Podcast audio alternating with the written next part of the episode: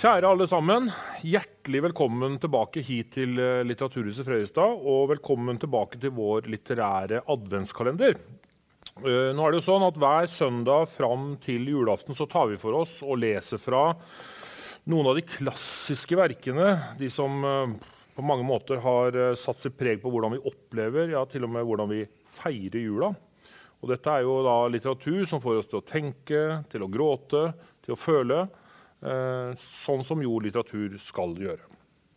Og med oss som vanlig her i adventstida så har vi deg, forfatter og journalist eh, Lars Tore Bø. Eh, du har jo fått jobben med å pakke opp noen av disse litterære julegavene for oss. Og i dag så er det jo tredje søndag i advent. Eh, Lars Tore, hvilken pakke er det du har med, oss, har med til oss i dag? Det, hvor skal vi hen, og hvem skal vi møte? Nå skal vi møte årets 100-årsjubilant Jens Bjørneboe. Eh, det er jo sånn at eh, Bjørneboe debuterte som poet, lyriker. Og det er vel kanskje en side ved Bjørneboe som ikke har blitt altfor mye markert eh, gjennom dette jubileumsåret. Han skrev faktisk juledikt også.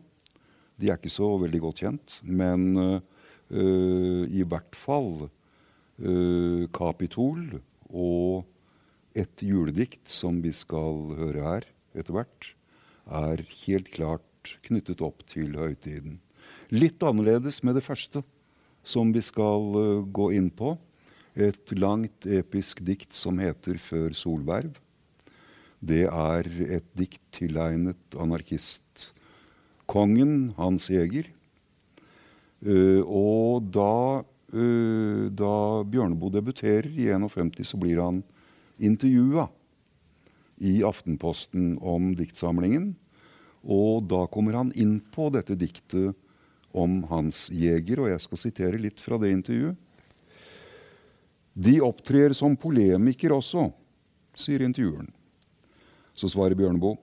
En kan vanskelig unnlate å være polemiker i dette landet. Når jeg skriver minnedikt om Hans Jæger, er det fordi han var en ekte radikaler som ville til bunns i tingene. Han var en uroskaper. Men de statsautoriserte radikalerne i dag, med sin ungdomsprogram i glass og ramme på veggen i gode stillinger i det offentlige rom, dem tror jeg ikke på. Så det er litt uh, opprør, da? Rebellen uh, Jens Bjørneboe vi får møte her i dag? Her får vi møte rebellen Jens Bjørneboe. Vær så god. Takk. Før solverv hans Jæger in memoriam. Det går en stor november over jorden. Det er november, venner, og vi fryser. Det blåser frossen tåke inn fra fjorden, og uten varme er det en sol som lyser. Den varsler veldig vinter over land.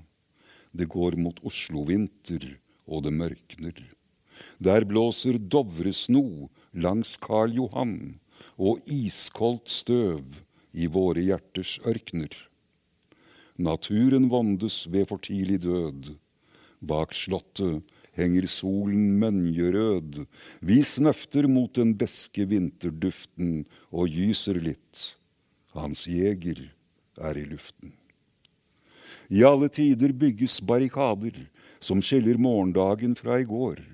Forblåste, slagne arktiske nomader skal falle der så lenge jord består.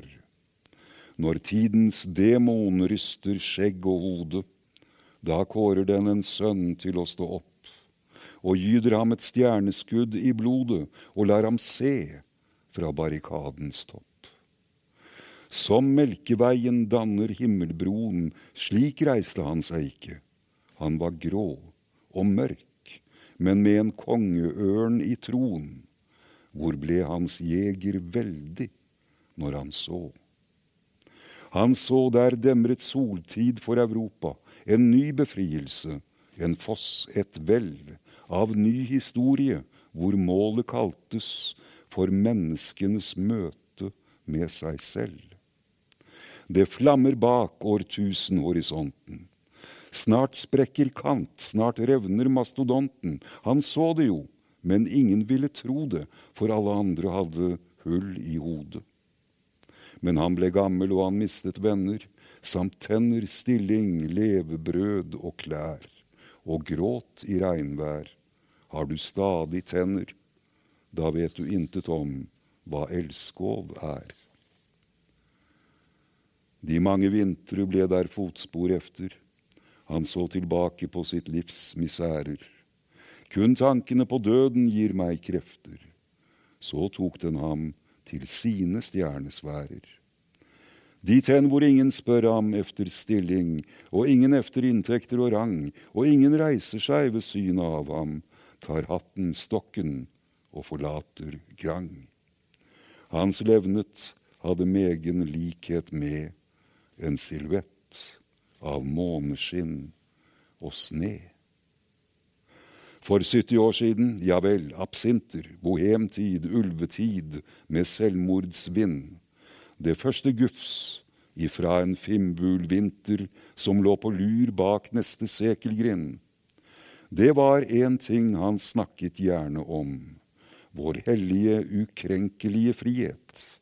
Den var det statens sak å verne om, og pleie den med myndighet og blidhet.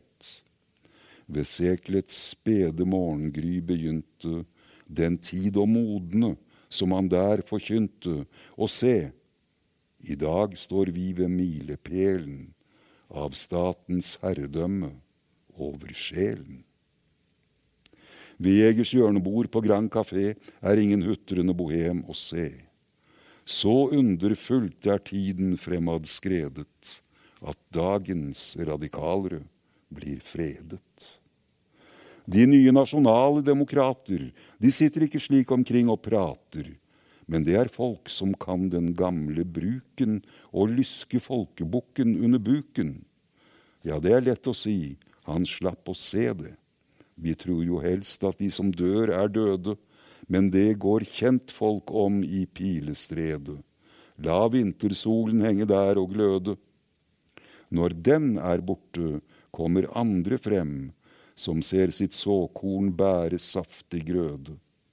Da, fremtidssamfunnsborger, skynd deg hjem, sett kaffen over og få fett på brødet. Av våre hjerter suger døde næring, men gir vi ikke kraftig kost og føde, da lider de av evig sjeletæring, da blir de lett til vareulver, de døde. De trenger livsvarmt hjerteblod og drikke men finner bare istapper og slikke. Du kan nok ane dem, men ser dem ikke, for de er skjult for fremtidsborgerblikket. Ditt radikale syn er aldersløvet, og våg deg ikke utenfor, min venn, men kos deg med et livssyn som er prøvet, for utenfor, der gåes det igjen. I slike netter går man sikkert vill, og mister lett sin frihet ifra angst. De tomme gater hører andre til, og man kan bli dem en velkommen fangst. I slike netter hyler fenrisvargen. Det går oss iskoldt like inn til margen, at får den ikke taket om oss før, så tar den hjertet vårt den natt vi dør. I slike netter står av sort porfyr rundt jorden, himmelen til alle sider, og underfullt, fra nu til alle tider, kan salmen klinge, mennesket er et dyr. I slike netter vokser vinteren i oss. Den store ved går navnløs om vår jord, og vår idé har ingen sol å gi oss. Og jeger, jeger, der gikk troll i ord. Ja, vi er dyr, og knapt nok er vi det. Det er et livssyn, venner, som får følger. Vi kjenner angsten slår i sorte bølger omkring vår sjel og gjør den til gelé. Ja, vi er dyr og frykter andre dyr og venter bare til vår time gryr. I vår tid kommer den, den store nød, av andres blod og andres hungerdød før alt blir stille under sne og sne. Til denne time skal vi sitte sammen, da skal vi ikke knele ned og be, men skal stå opp og kaste menneskehammen. Ja, en gang når vi benker oss i fred og sitter mellom juletre og bolys, skal flammene på bordet visne ned, og ute stå et mektig gyllent nord nordlys av flammekastere og av brustne bomber, vibrerende som soltråder mot natten. Da skal vi ikke grave katakomber, men vi skal se at tigeren, sabelkatten, vil bryte ut av våre ribbensgitre og kaste seg på markene og brøle, og høyt og blekt vil vinterhimmelen glitre mens vi skal vende oss i blod og søle. Til denne tid er allting som det skal, og plysjbløt, halvdød radiomusikk imellom fjerne, kolde brak og skrall vil gyde mere angst i våre blikk. Ja, vi skal vente, vente til vi står, så bevrende av skrekk som harpestrenger på instrument som ikke klinger lenger, og vite dette, der blir ingen vår. Og hver gang tiden holder på å vende, da skal vi stå og krympe oss i kuften og føle så vi rent går over ende. Nu blåser det, nu er der lut i luften. Vi aner alle fimbulvinterens komme, slår kraven opp og dukker oss og gyser. Det er november, venner, og vi fryser og det blir vinter før vår tid er omme. Og der blir ingen vår før alt er brent, før alt er nedsvidd inntil sorte mulden, og lutret efterpå i vinterkulden. Først da er flammetid og istid endt.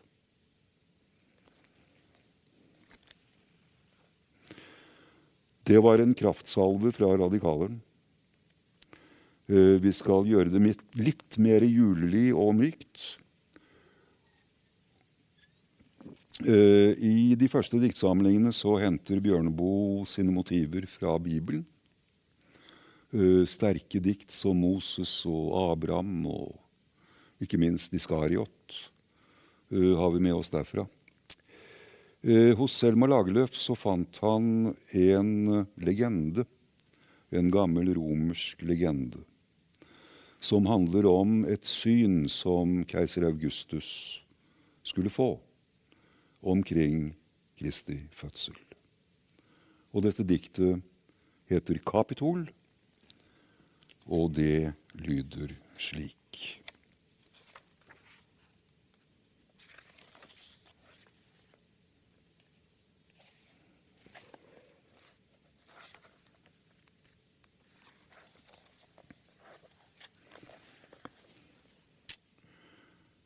Men keiseren la hodet tungt mot matten, som prydet karmen av hans bærestol, og noen bar ham lydløst gjennom natten langs veien som gikk opp til Kapitol.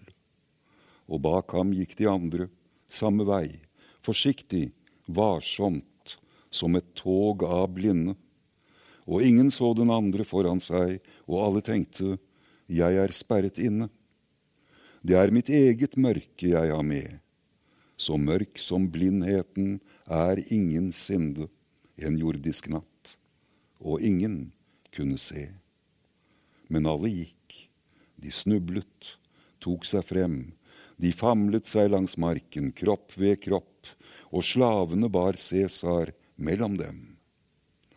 Så var de alle sammen kommet opp til det bevokste, frodige platå, på høydene hvor underlige brede topp hvor tempelet for Cæsar skulle stå. Men mørket kvalte hva de ellers så, og Roma, byen under dem, var borte, var druknet i det måneløse sorte, det stjerneløse, avstandsløse rom. I bærestolen sitter Cæsar krum, fortapt og matt, og hånden som han knuger over pannen, blir våt av svette i den kolde natt men rundt ham er de andre knelet ned. De bøyer seg for Cæsar, guden, mannen og all den vilje som han bringer med. Og en forvisket, Cæsar, er du nå blitt enig i at her skal tempelet stå, blant andre guders hus på Kapitol? Men det var taust i Cæsars bærestol. De ventet tyst og lenge på et svar, og følte meget sterkt hvor mørkt det var. Så drev der endelig en stjerne frem, og noe stort ble synlig over dem. En veldig kvinne, ruvende og sort, satt tung og mumlende med løftet hode og ryggen støttet mot sin klippeport. Sibyllen, hvisket en, jeg kjenner henne. Sibyller våker i en natt som denne, det er et gjærtegn av de meget gode. Nu ser hun Cæsars keiserlige skjebne. Å Gud Augustus, la ditt hjerte væpne, snart taler hun, snart vil Sibyllen spå, at her på høyden skal ditt tempel stå, guddommelig og evig. Alle lå, som slått til marken av den store natt, som hvilte på dem. Bare Cæsar satt. Han satt de hørte alle hva Sibyllen sa. I denne natt tar ulven intet lam. I natt tas intet liv, alt priser ham, og lam og løve leker salig sammen. Og verdens skapning kaster dyrehammen. I denne natt kan intet ondt få skje. I denne natt. Da sto de opp og skrek, og avbrøt henne Cæsar, kan du se? Hun priser deg, hun helliger ditt navn. Men keiseren var taus og meget blek. Sibyllen hørte dem, så så hun dem. Hun reiste seg, og langsomt sto hun frem. Så vendte hun seg bort, og lenge, stille, sto kvinnen vendt med ansiktet mot øst, og trekkene ble varsomme og milde og mens hun så, da talte hun igjen. Der utgikk i de dager en befaling, og alt som hadde liv, ble skrevet opp. For toll og tiende og all betaling går bedre når man fester kropp til kropp. De mange kroppene som Cæsar eier.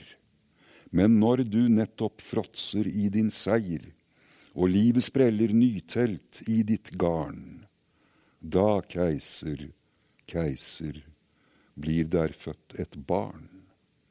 Og Cæsar, Cæsar, der er født et barn, hvis milde hånd skal falle som et sverd, og spre din verden som en stråklett hytte, og all din makt vil bli til ingen nytte, og dine legioner intet verd.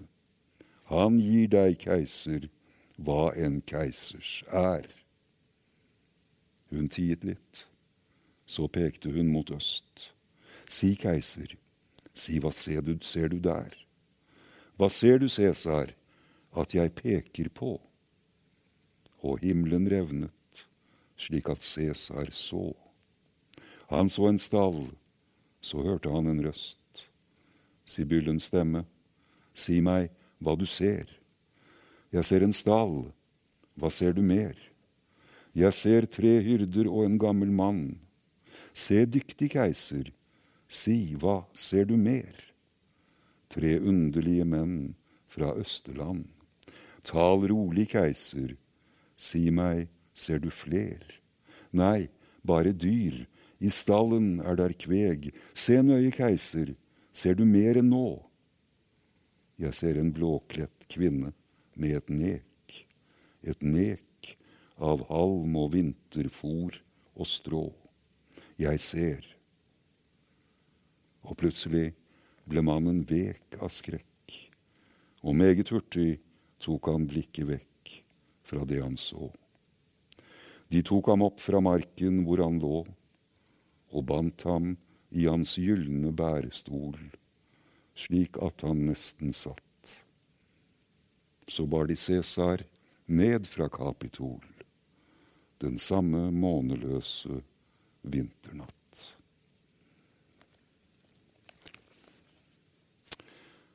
Da skal vi avslutte med et lite juledikt som Jens Bjørnboe først offentliggjorde i Aftenposten, før det ble satt på trykk i den første diktsamlingen.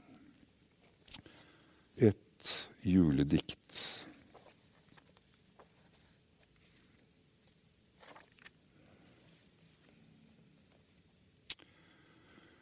2000 år, og så igjen en natt.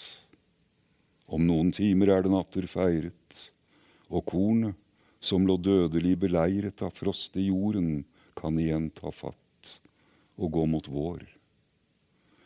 2000 år, hvor mange tusen netter ble lys av Helios til sverdsymboler, til iskolde og drepende stiletter, mens kornene i jorden selv ble soler, i telehåret hjertefrosne sletter, og gikk mot vår.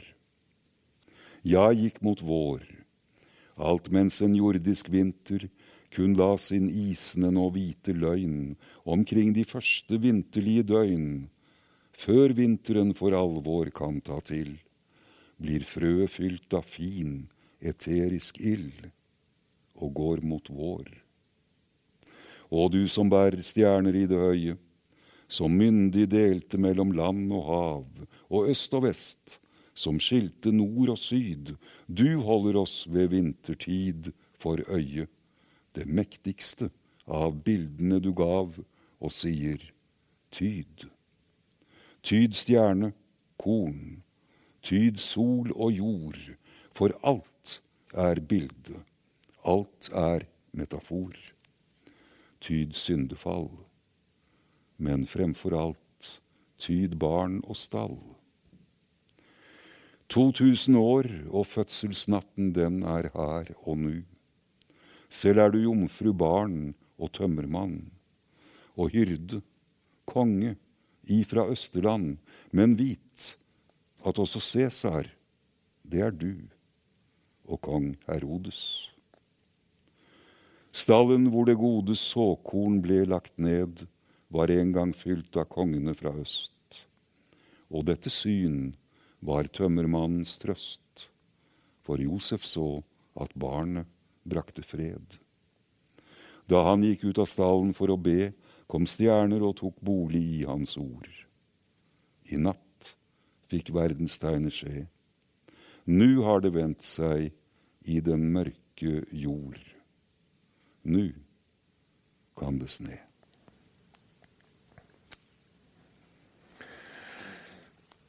Tusen, tusen takk, eh, Lars Tore Bø. Takk for at du tok oss med inn i diktenes verden, og vi fikk møte selveste ja, Jens Bjørneboe ikledd julen. Eh, vi ses jo igjen her eh, neste søndag. Eh, da er det fjerde og siste søndag i advent. Da er det virkelig nær julaften. Eh, hva har du å by på da? Da skal vi inn i Prøysens verden med et par fortellinger. Alf Prøysen er jo omtrent blitt synonym med jula i Norge. Vi har øh, øh, Jordmor-Maja, hvor vi ser stjerna over taket. Der er jordmor-Matja bor, ikke jordmor-Maja. Og vi har øh, dette å være fire år i romjul med bestemorspang og alt det varme. Og det skal vi inn i da. Det gleder vi oss veldig til. Eh, da sier jeg takk her fra Litteraturhuset og ønsker dere hjertelig velkommen tilbake hit eh, fjerde søndag i advent. Eh, da skal vi altså møte Prøysen og ikke minst Lars Tore Bø igjen. Takk for oss her i dag.